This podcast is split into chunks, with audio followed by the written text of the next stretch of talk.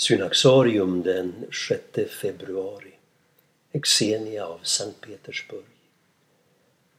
Exenia är ett av Rysslands mest älskade helgon. Hon tillhör kategorin Kristi dårar.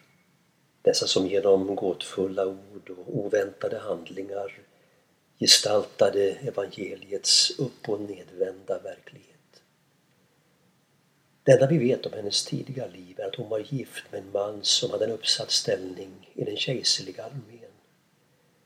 När han plötsligt dog en natt under ett dryckeslag blev Xenia änka, endast 26 år gammal. Det tycktes henne som att livet slogs i spillror. Hon var barnlös och den man som hon hållit av så högt hade tagits ifrån henne.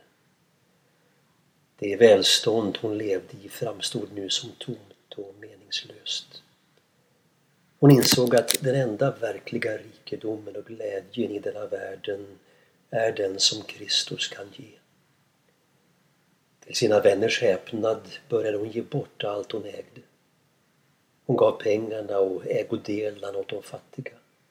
Och huset där hon bott med sin man skänkte hon till en vän.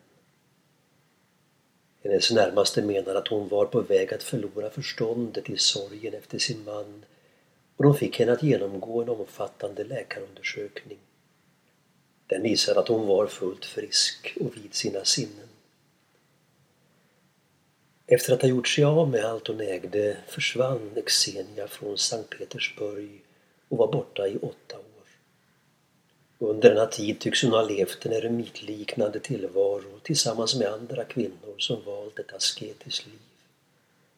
Det var nu hon tog emot en kallelse som i den ryska traditionen anses vara en av de högsta man kan få. Att leva som en dåre i Kristus. Hon återvände till Sankt Petersburg, klädde sig i sin döde mans uniform och levde bland de nedersta i stadens fattigaste områden. Det var som att hon ville ta på sig sin mans synder, de han aldrig hunnit omvända sig från. Till en början trodde de som mötte henne att denna märkligt klädda kvinna bara var en av många tiggare och hon fick utstå både åtlöj och förföljelse. Men Xenia iklädde sig Kristi sinnelag och bad likt sin frälsare för belackarna. Fader, förlåt dem. De vet inte vad de gör. Snart gjorde sig märkliga profetiska gåvor gällande genom Exenia. Hon förutsåg bland annat framtida händelser. Allt fler insåg att hon var en sann dåre i Kristus. Någon som gett upp allt i den här världen och levde evangeliets dårskap till det yttersta. På detta sätt levde Xenia under återstoden av sitt liv.